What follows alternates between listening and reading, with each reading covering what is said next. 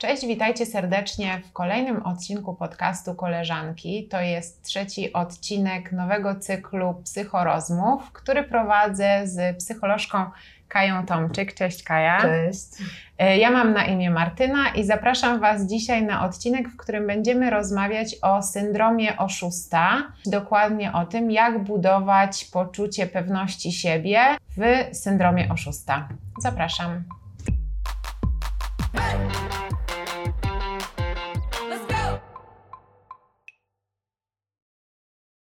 To ja może zacznę od tego, czym ten syndrom jest. No więc syndrom oszusta jest to taki, takie zjawisko, w którym mamy poczucie, że to, co się nam dobrego przytrafia, y, czy to, że nam coś wychodzi albo osiągamy jakiś sukces, nie jest naszą zasługą, Mhm. bo tak naprawdę gdzieś wewnętrznie, dlatego nazywa się to oszustem, że tak wewnętrznie trochę oszukujemy ludzi, że tak naprawdę coś potrafimy, że to jest nasza zasługa. Nie potrafimy sobie przypisać tego sukcesu e, na przykład swoim umiejętnościom czy swoim kompetencjom.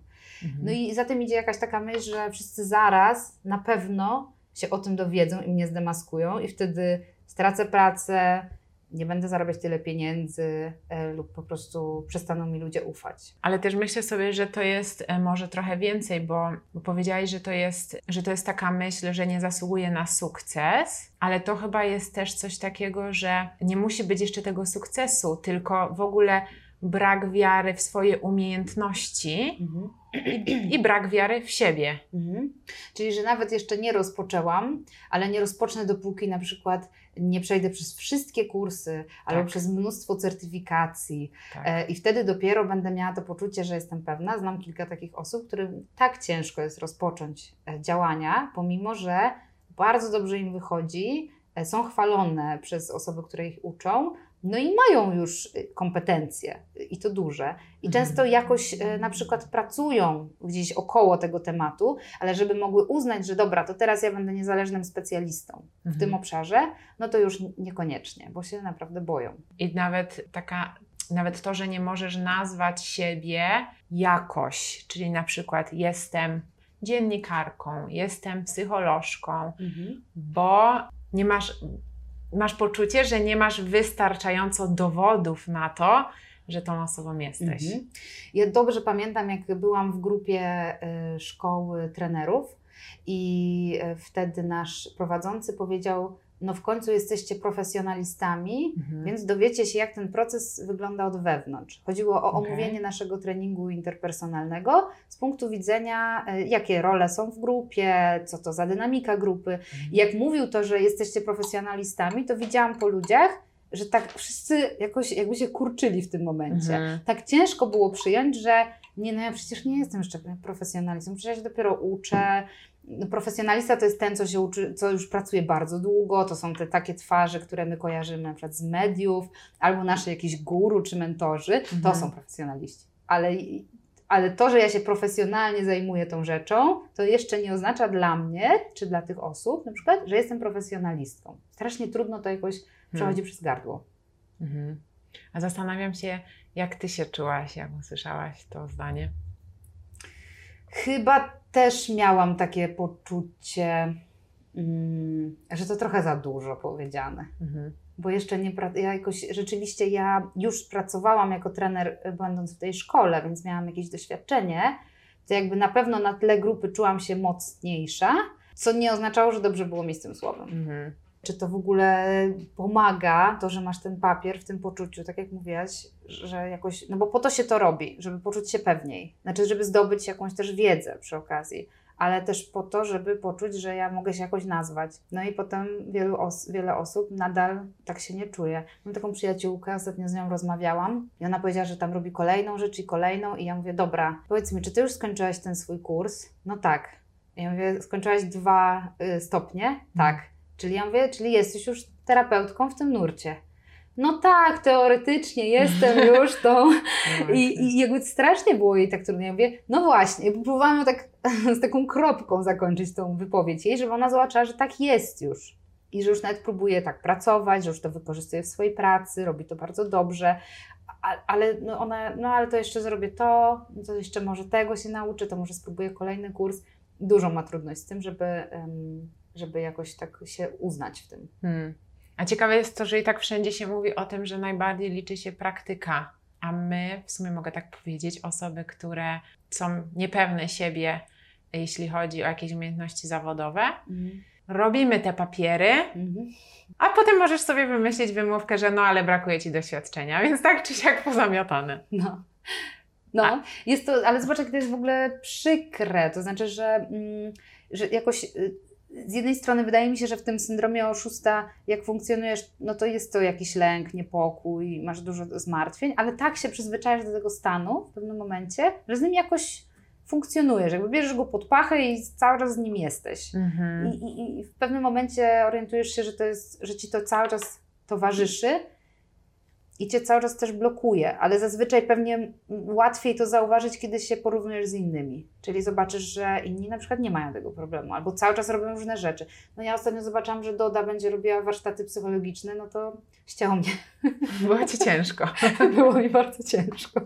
Albo Ania z hotelu Paradise, że ona mówi, jak ona dochodzi do celów, będzie webinar, powiedziała jeszcze webinar, może się mówi webinar, nie wiem.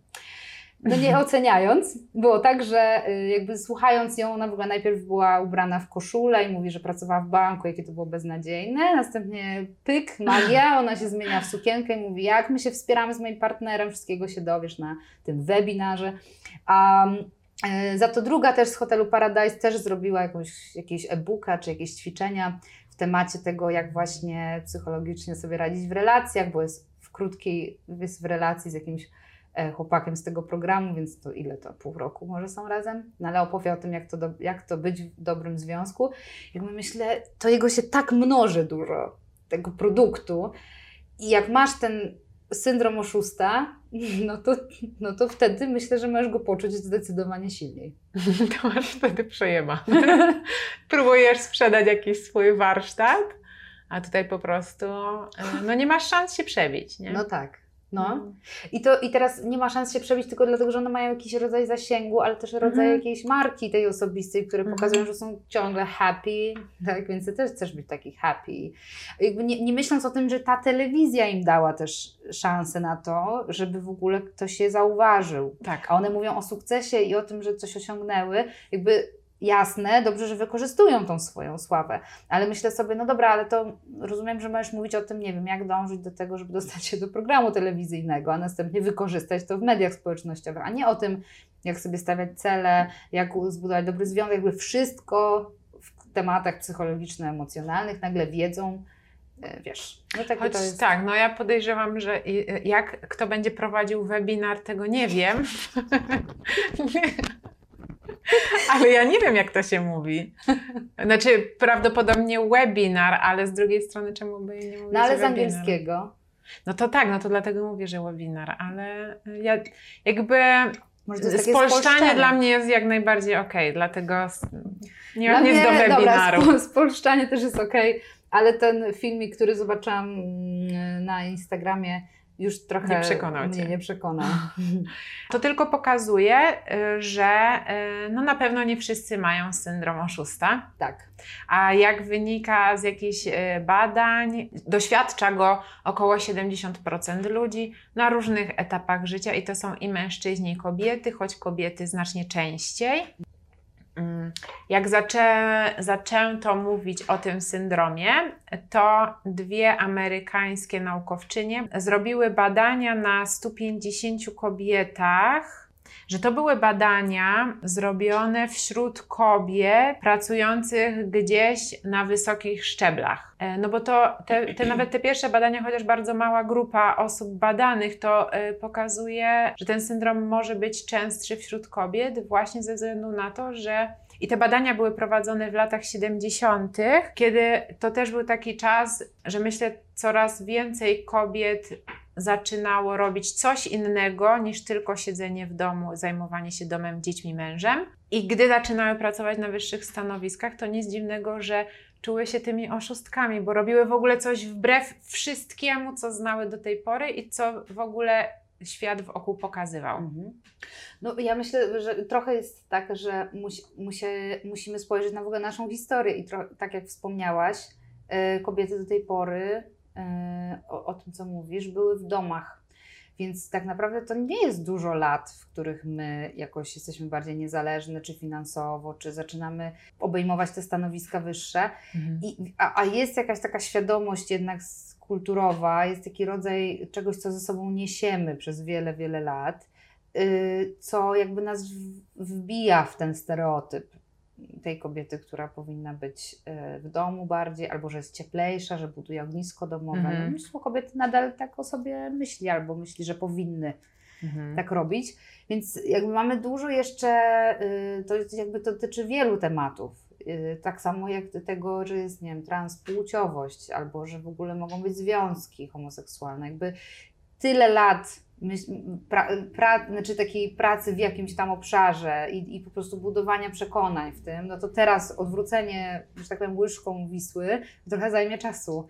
I ja myślę, że to stąd się może też brać, że Mhm. nadal w nas nie ma tak dużo, nie mamy takich przykładów y, tego. Nie jest tak, że z pokolenia na pokolenie nasze, ma, nie wiem, moja babcia na przykład była niezależną kobietą pracującą w firmie. No nie. E, Nie? I jej, myślę, jej mama też nie, nie znam Mhm. tej historii dokładnie, ale no to wszystko były kobiety, które głównie zajmowały się domem i rodziną. No więc ja też patrząc na swój przykład, muszę się razem z moją mamą, myślę, tak poprzebijałyśmy się po prostu zawodowo.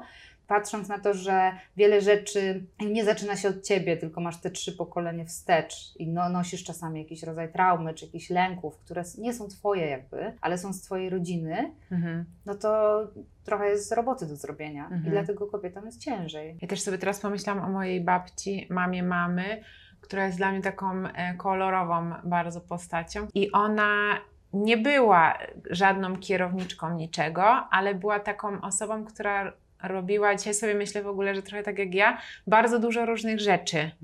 Z zawodu była plastykiem, ale no tak naprawdę w tamtych czasach podejrzewam, że tym bardziej e, w praktyce nie do końca było wiadomo, do czego się to odnosi, jeżeli nie pracowałaś na uczelni albo jeżeli nie pracowałaś w szkole, więc ona robiła wiele różnych rzeczy. I mimo, że z zewnątrz była niezależna, to podejrzewam, że tyle było oczekiwań i tak co do tego, że ona e, powinna być tą osobą rodzinną, lub tyle było gadania w oku, że nie jest jaka powinna Mhm. być, że tym bardziej też wtedy się uruchamia taki syndrom oszusta. Ja miałam, y, a propos takich oczekiwań, też myślałam sobie, że no ja nie jestem taką mamą, która tak posprząta w domu, znaczy w ogóle nie jestem jeszcze mamą, ale taką, taką gospodynią domową, która tak posprząta, zadba. No, robię te rzeczy często i wtedy mówię do, do mojego Szymona, że ja jestem jakąś gospodynią teraz, już mnie to zaczyna denerwować, bo już dwa razy obiad przygotowałam pod rząd. I on wtedy mówi, no jesteś, no jesteś, ale ja też posprzątałam. No i się wtedy licytujemy, ale jak zaczęliśmy być razem, to ja mu powiedziałam od razu, musisz wiedzieć, że ja nie jestem tak, tego typu osobą. Nie, nie zadbam ci o, o wyprasowanie albo zadbanie o mieszkanie. Nie będzie tak po prostu. Mm. Więc, ale powiedziałam to, dlaczego? On przecież mnie o to nie pytał. Ej, słuchaj, czy jesteś świetną gospodynią Właśnie. domową? No nie, jakby, ja go jakoś ostrzegałam, żeby nie miał oczekiwań, że tak będzie, zakładając, że takie może mieć. Albo ja miałam je w głowie, tak? To znaczy takie oczekiwanie, że tak powinno być. No ja mam inaczej, więc muszę o tym opowiedzieć. Mhm. Bo dużo różnych wątków nam tutaj wpadło, Mhm. ale powiedziałaś też o tym, że masz ten syndrom, ktoś ma ten syndrom oszusta i powiedziałaś, że się przyzwyczaja do, Mhm. do tego. Tak dobrze to zrozumiałam? Mhm. Do takiego funkcjonowania. No tak, no bo y, jeżeli żyjesz w takim jakimś niepokoju czy lęku i w takim perfekcjonizmie, to musisz sporo włożyć pracy w to, żeby jednak zbudować swoją wartość i jakieś takie poczucie kompetencji na czymś innym niż dotychczas. Dotychczas budujesz na tym, e, że bardzo dobrze sobie musisz radzić, że każdy wynik tego, co robisz, musi być najlepszy. No i jakoś w miarę to wychodzi, bo Mm. jakby jesteś w syndromie oszusta, więc wszystkich oszukujesz, no ale dopóki robisz świetnie swoją robotę na najlepszym poziomie, no to jeszcze nikt się może nie przyczepi, bo jesteś jakoś zabezpieczony tym wynikiem, bo ludzie Mhm, są mhm, pewni, bo mhm, widzą mhm. wynik. No a jak, no jakby, jak tu zrobić coś gorzej albo słabiej, no to wtedy wszyscy się dowiedzą, no to już będą wiedzieli. Mhm. Więc y, cały czas w tym perfekcjonizmie mnie brniesz w kierunku robienia czegoś jak najlepiej. No i teraz na, musisz zacząć budować gdzieś wartość gdzieś indziej, żeby móc trochę ten perfekcjonizm obniżyć i poczuć, że okej, m- mogę chcieć wykonywać swoją pracę dobrze, nic się nie stanie, jak zrobię ją gorzej, bo nikt mnie nagle nie zaatakuje, że albo nie- okaże się, że ja jestem w tym e, tak naprawdę kiepska. Nie do końca mi to zagrało, bo ja mam raczej poczucie, że mając ten syndrom, nie jesteś w stanie do tego się przyzwyczaić, yy, bo to cię po prostu będzie zżerać i wykańczać. Tak, jeżeli masz świadomość, że w ogóle posiadasz ten syndrom i w ogóle jesteś w kontakcie z emocjami, dlatego cię to wykańcza. A są osoby, z którymi ja rozmawiam, one mówią, nie ma opcji, żebym y, zrobił coś go, na, y, kiepsko, nie? No, Zawsze chcę zrobić jak najlepiej. Zresztą bardzo dobrze się z tym czuję, że robię to najlepiej, bo nie wyobrażam sobie robić gorzej. Ja Mhm. już widzę, że tam jest więcej pracy. Bo jesteśmy na w ogóle poziomie jeszcze nieświadomości, co mi to robi, że ja jestem perfekcjonistą i że ja jakby żyję z tym, że muszę robić rzeczy jak najlepiej. A ty już mówisz o tym, że zaczyna mnie to męczyć, czyli już jesteś na tym takim punkcie, że przyglądasz się temu, że to ci coś robi. Czyli masz jakiś kontakt z emocjami związanymi z tym, z lękiem, z jakąś obawą. No musisz się y, to poczuć, żeby cię to zaczęło męczyć. A są osoby, które są tak zablokowane na te uczucia, że gdzieś to jest pod spodem, ale tak dużą budują zbroję po prostu do tego wykonywania tej tytanicznej roboty, bo te osoby z syndromem oszusta też mają poczucie, że muszą zrobić więcej Mhm. niż inni. Inni robią Mhm. tam warsztat. No tak, bo muszą udowodnić, cały czas udowodnić. Tak, ale sobie, lub, sobie Tak. i innym najczęściej. No właśnie. No i jak, jakby, jak jesteś wy, wykończony, te osoby często na przykład y, dopiero zaczynają czuć się osłabione, czyli tak jak mówisz, że się męczą, wtedy kiedy chorują. No i to wtedy zrzucasz na chorobę, że się przeziębiłaś, że nie wiem, że masz, może chodzi o tarczycę. Tak jakby tam sprawdzasz. Więc te osoby cały czas somatyzują w kierunku chorób, ale nie orientują się, że zaraz ja chyba na co dzień jestem po prostu wykończony tym. A ty już Hmm. może po prostu masz, wiesz, czujesz, że to już cię męczy. Brzmi jak moje życie. Te, zaczynało się od tarczycy. A teraz już wiem, że to nie tarczyca. Ale tarczycę masz zdrową? Tak. Więc z tego, co mówimy, wynika bardzo, że y, łączy się syndrom oszusta z perfekcjonizmem. Em, Ja w ogóle tak nie do końca. mm, Zawsze mi się wydawało, że to tak fajnie być perfekcjonistą, i jak słyszałam to od ludzi w oku, to mam wrażenie, że to było podawane, bo y, słyszałam od ludzi wprost, że ja jestem perfekcjonistą, więc to i to i to. Mhm. Chociaż dziś myślę sobie, że to jest troszkę jestem narcyzem, a więc opowiadam, jakim to jestem perfekcjonistą. Mhm. A to często osoby narcystyczne są perfekcjonistyczne. No właśnie. Mhm. Em, ale mm, dzisiaj już dobrze wiem o tym, że perfekcjonizm może być niszczący Mhm. I że to nie jest fajna cecha i to nie jest fajne być perfekcjonistą. Mhm. Ten syndrom oszusta jest taką formą, jedną chyba z najwyższych perfekcjonizmu po prostu. Czyli i jak robię. Bo, jeżeli masz poczucie własnej wartości, masz poczucie, że Twoja praca jest warta, że Ty w swojej pracy jesteś kompetentny i dobry, Mhm. to nie masz potrzeby tego udowadniać w żaden sposób. No, perfekcjonizm wiąże się z tym, że musisz tak wszystko skontrolować, przypilnować, zrobić jak najlepiej, żeby nikt ci niczego nie mógł zarzucić. No bo to jest Mhm. ochrona przed tym, żeby jakoś ktoś cię ocenił czy skrytykował. Więc mm, trzymasz się kurczowo wykonywania wszystkich zadań i myślisz, przynajmniej wszystko za, zadbałem, więc Mhm. nic mnie nie zaskoczy. Nie spotkam się z żadną sytuacją, która będzie dla mnie przykra, e, albo że ktoś zobaczy, jaki ja tak naprawdę jestem. Mhm. A jaki jestem? No nie jestem doskonały, tylko jestem niedoskonały. No i to, się, to bardzo się wiąże z tym syndromem oszusta. Nie? Czyli wszyscy się dowiedzą, że jest, nie, jestem Mhm. doskonały, więc muszę zrobić jak najlepiej. Włożyć kupę roboty w to, żeby e, praca była super wykonana. Mhm. Ale to jest w ogóle ciekawe, co mówisz, że, że ludzie się tym chwalą, bo właśnie możliwe, że te osoby, z którymi rozmawiałam, mi mówiły, że są. I ja od razu mi się zapala lampka. Nie zawsze mam czas, żeby o tym dłużej porozmawiać, jak mam na przykład jakieś takie inne sesje niż te swoje indywidualne. No i, i, nie, i nie mogę jakoś tak pogłębić, że a czy to jakoś ci nie utrudnia. Raz mi się to udało i, i chłopak rzeczywiście powiedział, że ma po prostu ojca, który pracuje na jakimś bardzo wysokim stanowisku i dla niego nie, niewyobrażalne jest nie pracować na tak samo wysokim. E, no, no i tu trzeba by wtedy pogłę- pogłębić, dlaczego, co jest złego w niższym stanowisku. A może ty może w ogóle lubisz robić coś kompletnie innego i chciałbyś piec ciastka Mhm. w małej piekarni, Mhm. nie? Ale nie ma na to miejsca, czyli trochę na ciebie nie ma miejsca też, nie? Mhm. Jest miejsce na to, żeby wykonywać pracę, czyli jesteś skupiony tylko na zadaniu, a nie na tym, czy ty w ogóle chcesz wykonywać to zadanie, albo czy masz na to siłę. No i to mi się łączy idealnie z tym, co powiedziałyśmy przed nagraniem i muszę to powtórzyć, może dlatego, żeby to nagrać, więc będę potem to wchłaniać, bo perfekcjonizm y, łączy się z podejmowaniem decyzji Mhm. e, w moim odczuciu. Mhm. No bo będąc y, perfekcjonistą, chcesz podjąć zawsze właściwą decyzję. W ogóle najlepiej decyzję na stałe. No i decyzję, która cię doprowadzi do jakiegoś sukcesu. W efekcie nie podejmujesz żadnych decyzji, no bo to jest już tak obudowane, tego jest tak dużo, jest to tak ciężkie, że nie jesteś w stanie tego zrobić. Mhm. I co to było za zdanie, które ty powiedziałaś, bo ja nie pamiętam.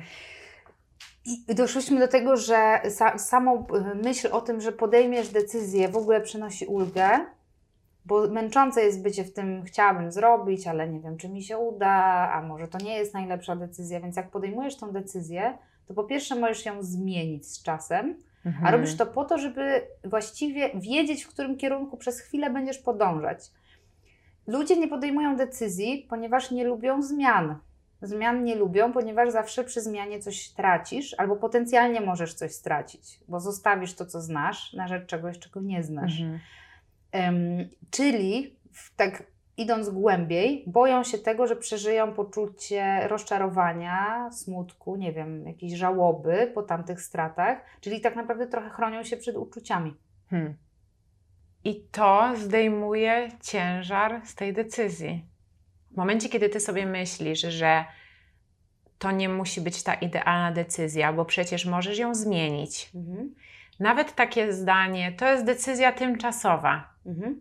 Sprawdzam. Sprawdzam, Mhm. zobaczę, co się totalnie zdejmuje ciężar z tego Mhm. i możesz spróbować to zrobić. Mhm. A tobie też daje możliwość zacząć działać, bo to o tym rozmawiałyśmy, nie? że podejmuję decyzję i na jakiś czas sprawdzę, jak ta strategia się, y, jak ta strategia działa. Zawsze mogę wrócić, zawsze w momencie, bo to też jest o, w, trochę, żeby zbudować trochę wiarę w to, że kiedy spotka mnie w tej nowej sytuacji coś trudnego, to że mam bardzo duże zaplecze, każdy ma, sytuacji, w których już było mi kiedyś trudno i dałam radę. To jest takie w ogóle, mm, często y, się pracuje mm, w różnego rodzaju terapiach w ten sposób, Mhm. że szuka się z pozytywnego wzmocnienia z przeszłości. Mhm, Byłaś mhm, już w takiej mhm. sytuacji i czy pamiętasz, jak to wtedy wyszło? Co z tego wyszło? Jak ty sobie w tym poradziłaś? Czyli masz tą możliwość poradzenia sobie. I budując tą wiarę, że dobra, już w sumie kiedyś, nie wiem, przeprowadzałam się, albo już kiedyś zdarzyło mi się, nie wiem, podjąć jakiegoś warsztatu i to udało się, zrobiłam to, no to teraz możliwe, że jak mnie coś spotka trudnego, to pewnie też mam kompetencje, żeby sobie z tym poradzić. Hmm. Ja się czuję jak na takiej sesji terapeutycznej teraz. Dlatego, że y, powiedziałaś też, że y, tobie to jest obce. Takie, mm, ten syndrom oszusta. Teraz jest mi obcy bardziej. Mhm. Wcześniej go, myślę, że go miałam, szczególnie jak zaczęłam pracować z klientami. Yy, I ponieważ nie jestem psychoterapeutą, czyli nie skończyłam jeszcze szkoły psychoterapeutycznej, a te procesy yy, były takie wsparciowe, i myślę, że z łatwością wyciągałam różne rzeczy, które wyciąga się na terapii. Po prostu to, to, to, ten proces tak był dla mnie łatwy dość. No to miałam takie poczucie, że Oszukujesz. że oszukuję. Ale nie zauważyłam, że ja pomagam ludziom i że to nieważne, czy ja to nazwę tak, czy nazwę to tak, czy, że jakby ich to wspiera i im to pomaga i wracają. To nie miało znaczenia, bo myślałam, a jak ktoś pomyśli, że to jest psychoterapia, a ja nie mogę siebie nazwać psychoterapeutką i się tak. Jakby zawsze jest teraz tak, że o tym mówię na, na, na, na sesjach, że jakby musi o tym wiedzieć, no bo ludzie trochę mylą y, Tak. tak, te nazwy. Teraz też e, osoba może być terapeutą, która skończy roczną szkołę jakąś, Aha. terapii jakiegoś rodzaju. Psychoterapeuta kończy czteroletnią. Mhm. I w moim zawodzie jest to ważne, żeby to nazywać, a dla ludzi często to nie ma znaczenia. I mówią, chciałabym być z, jakiegoś znaleźć terapeuta, a ja bym chciała znaleźć jakiegoś psychologa. I oni sami nie wiedzą, Mhm. czym te rzeczy się od siebie różnią. Więc ja często o tym mówię na początku, ale nie dlatego, że czuję się jakimś oszustem, tylko dlatego, że chcę, żebyśmy obie strony miały tę jasność. Ja się Mhm. czuję bezpiecznie, ta osoba też wie, czego może się spodziewać i jakby to jest okej. Myślę, że przestałam mieć ten syndrom oszusta, kiedy zaczęłam zauważać, że to, co robię, działa i że w bardzo wielu sytuacjach dostałam informację zwrotną, że to było super, albo że to było dobre, albo że to pomogło, albo że nigdy wcześniej nie byli na. Ktoś mi raz powiedział, że to był chyba najlepszy warsztat, na jakich był kiedykolwiek. I, i jakby, ja- jakby na początku jest tak, że to z ciebie spływa, jeżeli masz syndrom oszusta, albo jakiś taki rodzaj właśnie tego perfekcjonizmu. I z czasem trzeba to po prostu nazywać, porozmawiać z kimś, zobaczyć, że tak jest, że to się Mhm. już wydarzyło. I nawet ostatnio miałam się przygotować do jakiegoś e, wydarzenia zawodowego. I tak miałam, że dawno tego już nie robiłam, sama nie wiedziałam, jak to wyjdzie, a potem sobie pomyślałam, robiłaś tyle razy już to kiedyś. Mhm. Y, Wielokrotnie było tak, że jak postanowiłaś sama, w jaki sposób to zrobisz, czyli nie patrząc na to, jak robią to inni, to to było dobre i ludziom się to podobało i po prostu zaufaj sobie. Mhm. I tak zrobiłam. Po prostu zaufałam w to, że mam te kompetencje. Teraz to brzmi tak, że jak ktoś ma syndrom oszusta, to brzmi jak wiesz, coś takiego prostego. Hmm. Ja Też musiałam trochę nad tym, nad tym popracować i się poprzyglądać, skąd mi się to bierze, że ja sobie dewaluuję. Okej. I tu dochodzimy do tego punktu, w którym zastanawiamy się, jak chyba sobie z tym poradzić. Tak. Tak, bo mówię o tym, że już tak mam. Pierwsza rzecz jest taka, że. Y, mm, Wiesz co? Jeszcze tylko chciałam powiedzieć o tym, e, co, jakie to są myśli.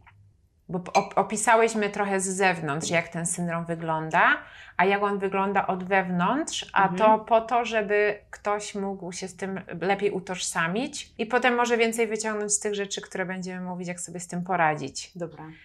Inni są dużo lepsi ode mnie. Za, za chwilę ktoś odkryje, że mi nie idzie, albo za, za chwilę ktoś odkryje, dlaczego do tej pory szło mi dobrze.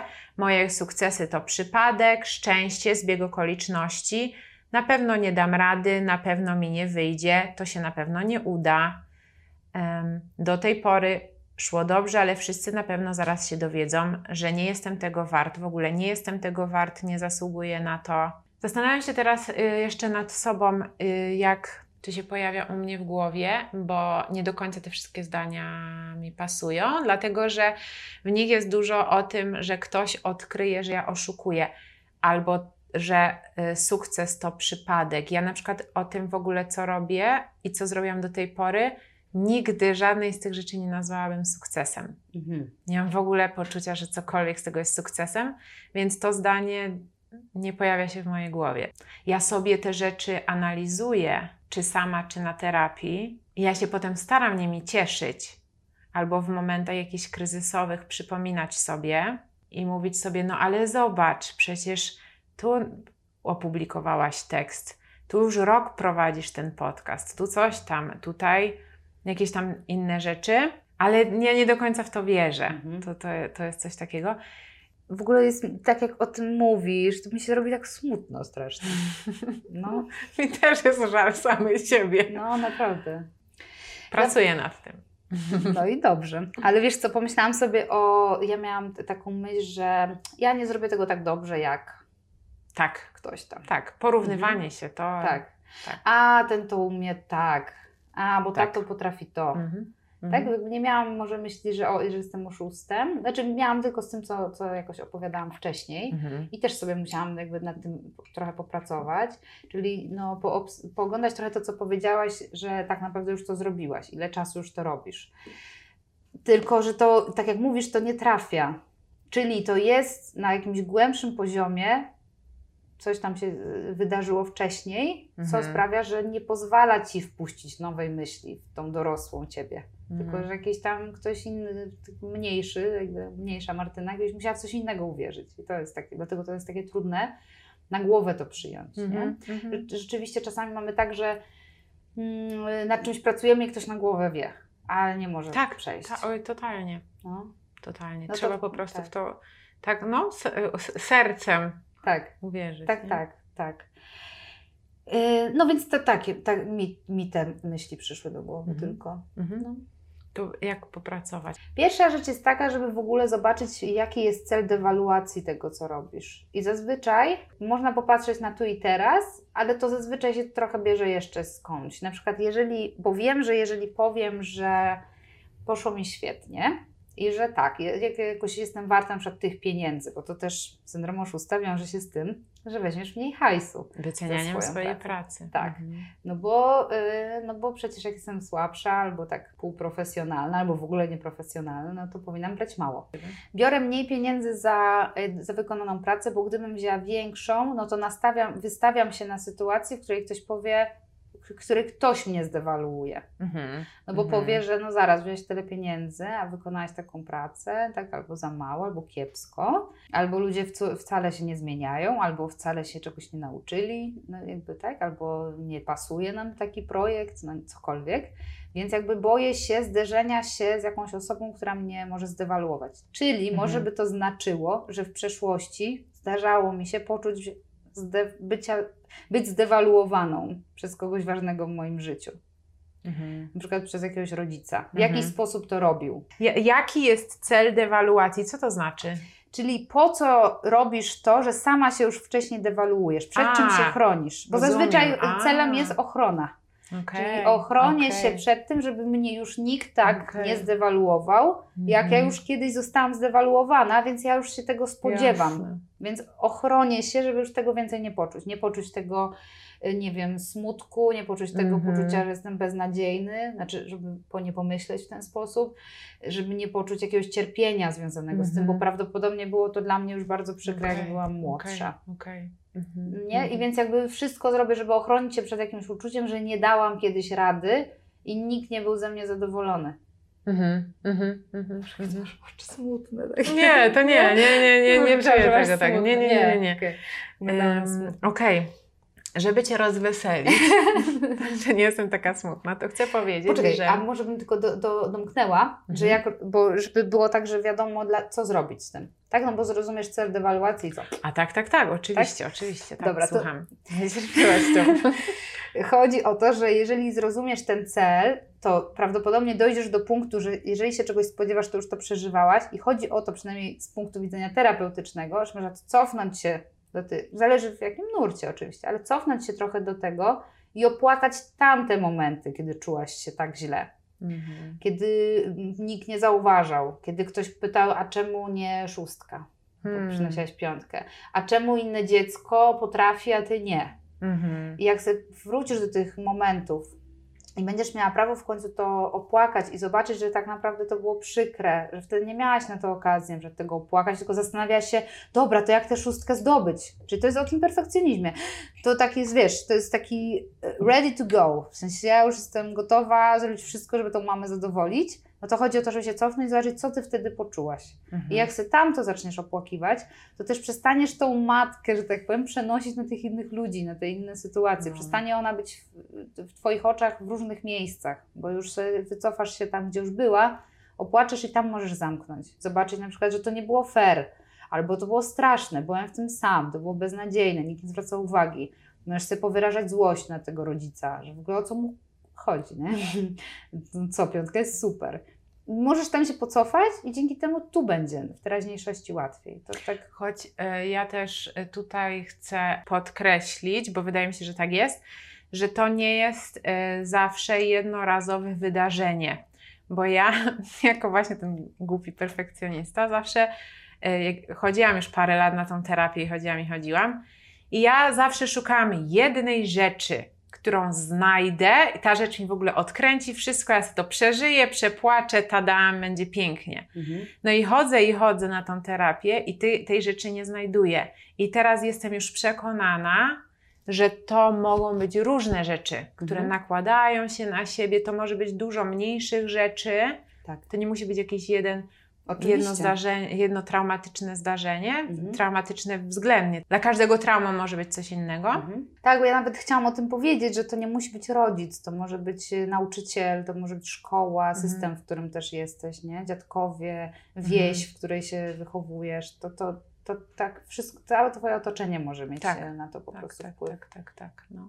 Też jakiś czas temu rozmawiałam e, o tym, że będziemy nagrywać ten odcinek z kolegą i powiedział coś takiego, że można, do, skoro tak dużo osób ma ten syndrom oszusta, no to po prostu już po, pogódź się z tym i fake it till you make it. Mhm. Czyli udawaj tak długo, aż ci się uda. No to jest, to jest, to, to jest totalnie wykańczające. Mhm. Mhm. Też tak uważasz? Bo ja rozumiem, że to jest y, jego sposób na, jeżeli tak Poradzenie mówię, sobie na poradzenie sobie, to znaczy, żeby już to odpuścić, bo to jest męczące, że Mhm. zamiast się tym Mhm. zająć w jakiś inny sposób, to już wolę uznać, że tak jest. No czasem myślę, że są takie strategie, no to pytanie, jakie masz konsekwencje? Może dla niego konsekwencje nie są aż tak dotkliwe. Mhm. Mhm. Po prostu. Jeżeli to trzeba jakby chyba mierzyć, czy zajmować się jakimś tematem mm, na pewno, to trochę tak jak też na terapii, nie wszystkim się musisz zająć. Zajmuj się tym, co jakoś rzeczywiście sprawia ci Utrudnia ci życie, Tak, utrudnia ci życie, ale też y, subiektywnie. No, Tak, tak zdecydowanie. Więc możliwe, że to jest jakiś taki sposób. Ja bym się na pewno tym zajęła y, i się zajmowałam, y, bo no, to jest y, męczące Mhm. po prostu. I takie męczenie się i to, że ja nie mogę sięgać po rzeczy, które chcę zawodowo, chociaż robiłam to i to właśnie robią osoby, które często z syndromem oszusta, one to w sumie robią te rzeczy, tylko jednocześnie mm, się strasznie męczą, więc jakby, a, a można sięgać i się tak nie męczyć, no to ja wybieram drugą opcję. Pamiętam, że całkiem niedawno znajoma, e, z którą pracowałam w Wysokich Obcasach, osoba dla mnie, o której sobie myślę, wow, o, ja bym chciała być taka jak ona, napisała posta na Facebooku o tym, e, że jestem beznadziejna, nic już nigdy nie napiszę, czy też tak macie. E, Ilość komentarzy, jaka potem się pojawiła w odpowiedzi, że tak, też tak mam, e, nie umiem pisać, nie, nie chcę już nigdy pisać kolejnego tekstu od i to komentarze pozostawione przez inne osoby, które czytam w popularnych magazynach, pokazuje, jak, jak, jak to jest częste też i Mhm. popularne, i, i w zasadzie to nie wiem, do czego tym zmierzam. A ja wiem, do czego to może zmierzyć, bo to może zmierzyć do tego, co może pomagać. Czyli Mhm, ja w ogóle mhm. jestem jakąś taką zwolenniczką myślenia o tym, to jakby każdy to bezpiecznie sobie szuka w tym granic, ale tego, że my się dzielimy, osoby, które gdzieś są na świeczniku, brzydko to tak nazwę, ale które widać, tak? które można obserwować, czy są w mediach, czy są w social mediach, że te osoby dzielą się tym, że, że są w czymś słabsze, że Mhm. mają jakiś moment zwątpienia. Ja mam na przykład taki przykład, bo wczoraj robiliśmy to spotkanie w kinie Muranów, seansu psychologicznego. I ja pamiętam, że ja y, wymyśliłam, że chciałabym pracować w kinie i robić takie spotkania. Mhm. I wysłałam do wielu kin y, propozycję, ofertę, a do Muranowa nie. Okej. Ponieważ uznałam, że na pewno się nie zgodzą. Mhm. Pomimo, Mhm. że przecież tamci inni też mogli się nie Mhm. zgodzić. Ale tak bardzo mi na tym zależało, że wiedziałam, że będzie mi naj, najprzykrzej, jak oni się nie zgodzą. I Mhm. pamiętam, rozmawiałam z koleżanką i powiedziałam, no właśnie wiesz, tylko do Muranowa nie wysłałam tego zgłoszenia, nie, tej propozycji. A ona powiedziała, daj spokój, ja tam kojarzę ludzi, którzy organizują jakiś festiwal, chyba Pięciu Smaków, jest taki festiwal Mhm. w Muranowie. I to są naprawdę bardzo spoko ludzie, z tego co pamiętam. I mówi, zresztą no nic nie stracisz, no bo nic nie masz jeszcze. Tak. Nic nie stracisz. To jest bardzo fajne takie, nie? Taka Tak. bardzo fajna myśl. Tak, ale tak sobie pomyślałam wtedy i naprawdę dłużej czekałam, zanim wyślę. Wysłałam i dostałam odpowiedź, że to jest ciekawe, spotkajmy się. to było dwa lata temu. Ale mówię o tym dlatego, że każdy widzi tylko to, że ja prowadzę tam spotkania. Nie widzi moich kulis. Tak, tak. My tych kulis nie porównujemy, bo ich nie widać. I Tak. nie, y, nawet naszą rozmowę pierwszą pamiętam, że porozmawiałyśmy sobie o różnych tematach, a potem na koniec zaczęliśmy rozmawiać, jak to trudno jest wybić się w social mediach. Mhm.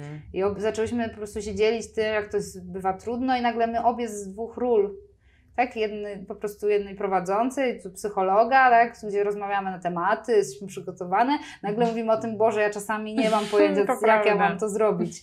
To było takie, wiesz, to było takie, Boże, nie jestem tym sama, Mhm. ale fajnie. No więc dla mnie to dzielenie się i to, że sobie uświadamiam, ale też powiem o tym głośno, że ja też tak mam, Mhm. że po prostu na pewno ktoś nie zechce, albo kiepsko sobie poradzę, albo czasami czuję, że jestem w tym beznadziejny, no bardzo jest takie zdrowe. No na szczęście trochę w tych social mediach zaczyna być na to miejsce, bo Mhm. ludzie w ogóle już głośniej o tym mówią, więc w ogóle jest miejsce w społeczeństwie powoli na to, Mhm. żeby powiedzieć, że tak. Chociaż ostatnio widziałam wpis na LinkedInie, który mnie zmęczył, na zasadzie, że ktoś przeżył porażkę, ale przekuł to w sukces, bo dzieli się Będę- tym. będę cię o to pytać. Dzieli się, wiesz, tym, że, że, że, że przyznaje się do tej porażki. No tak, Boże, nawet tutaj, jakby można po prostu powiedzieć, że jest ci trudno i tyle.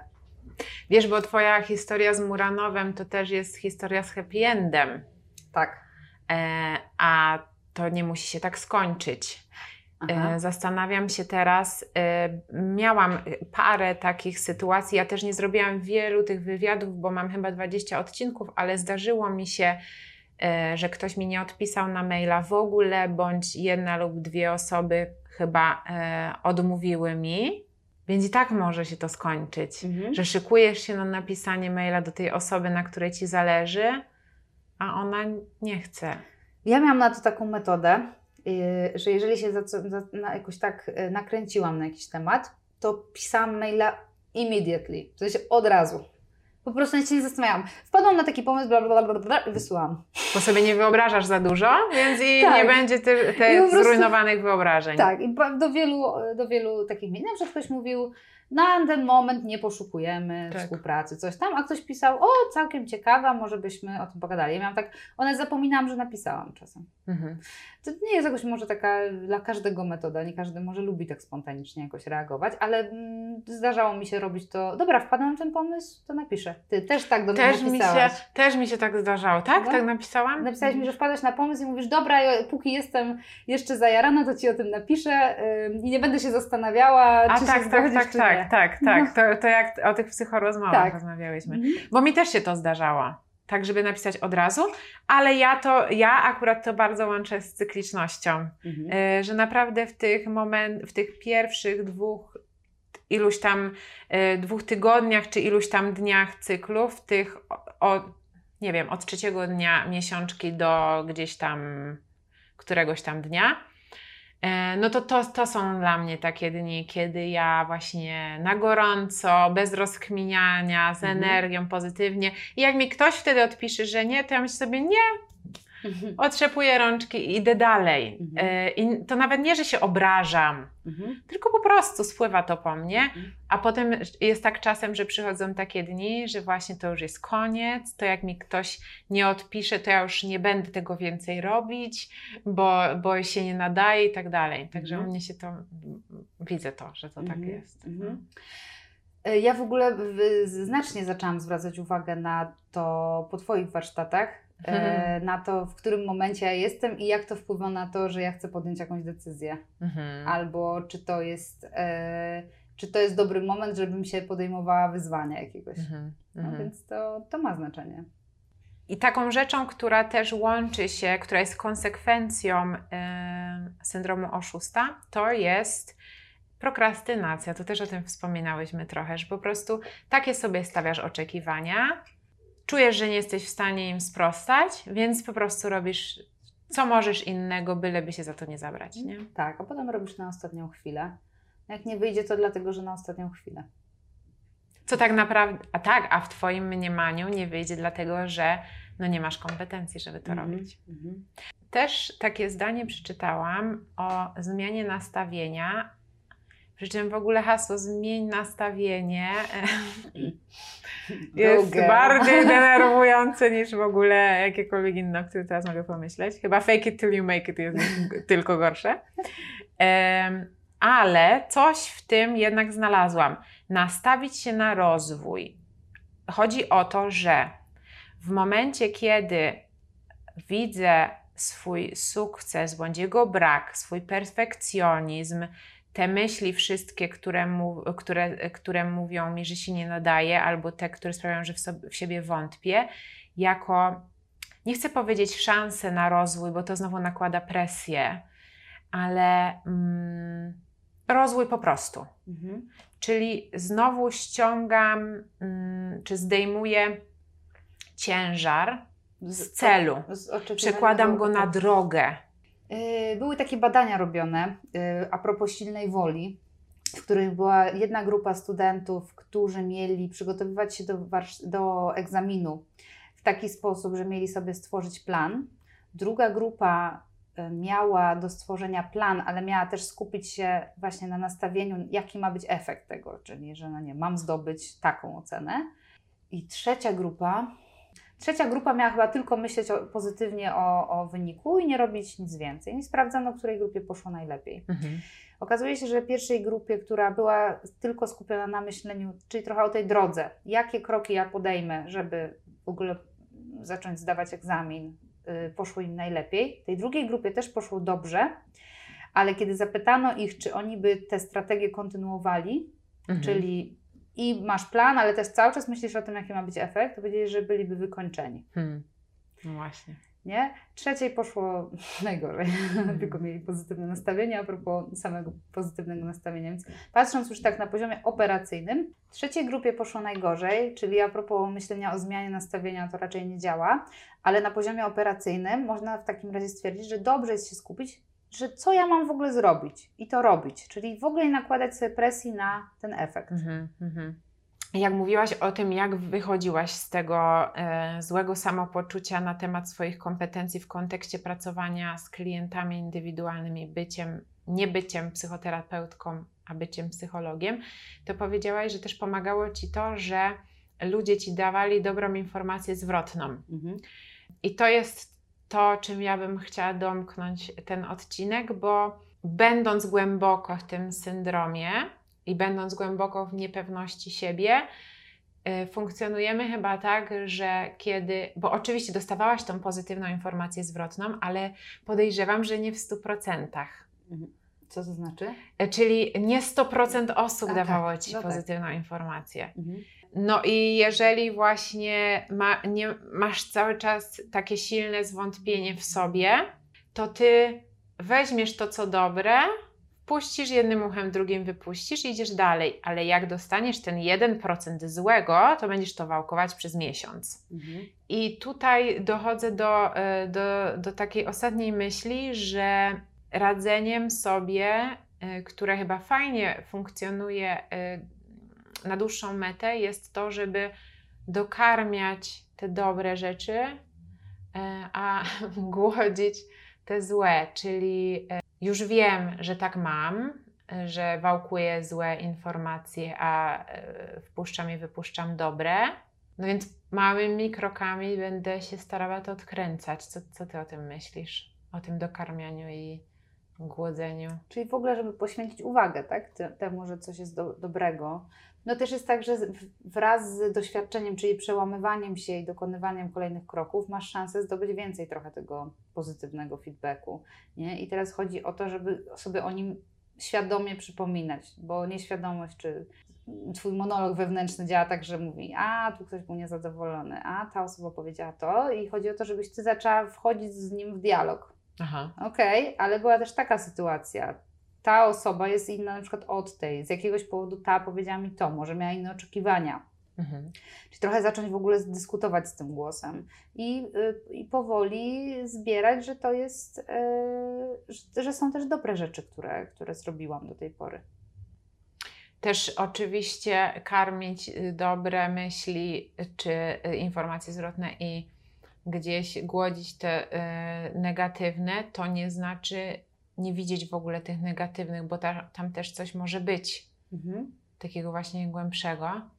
No tylko tym osobom jest bardzo trudno przyjąć w ogóle taką krytykę, nawet jeżeli jest konstruktywna, no bo to może być bolesne, tak? Bo to przecież rozwala, buduje całą swoją tożsamość na tym, że wszystko robię świetnie albo bardzo dobrze.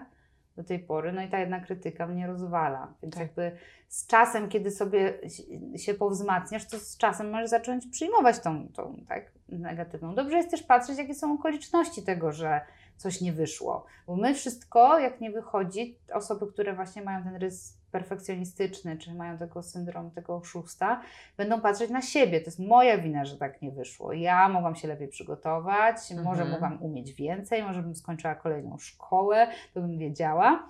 A, a, a jakby rozszerzyć perspektywę na okoliczności.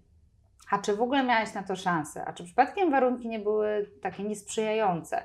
A czy nie byłaś wśród ludzi, którzy bardzo dobrze się znają, a ty byłaś tam sama i nie wiedziałaś, co z tym zrobić? A czy nie jest tak, że podjęłaś się tej decyzji e, trochę nad wyraz, bo do tej pory byłaś bardzo zmęczona? Jakby po, pooglądaj co coś dookoła też. To nie jest Tak. wszystko tylko o tobie. Także tak. E, Na koniec, e, na koniec chcę powiedzieć, że e, też wracam Zaczęłaś do. strasznie głośno mówić. Przepraszam, jeszcze raz.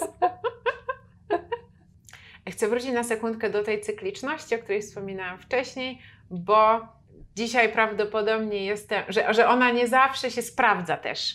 To już jak jest trochę taki off-topic, nie o syndromie oszusta, tylko wracam na koniec do tamtej rzeczy, bo bardzo dobrze mi się dzisiaj z Tobą rozmawiało i bardzo Ci dziękuję. I mam wrażenie, że jakiś taki miałam otwartszy umysł, a jestem jednak w tej drugiej części cyklu, więc to Mhm. też nie zawsze działa. Mhm. Bardzo się cieszę, też dziękuję. Dzięki. No i do usłyszenia. do usłyszenia.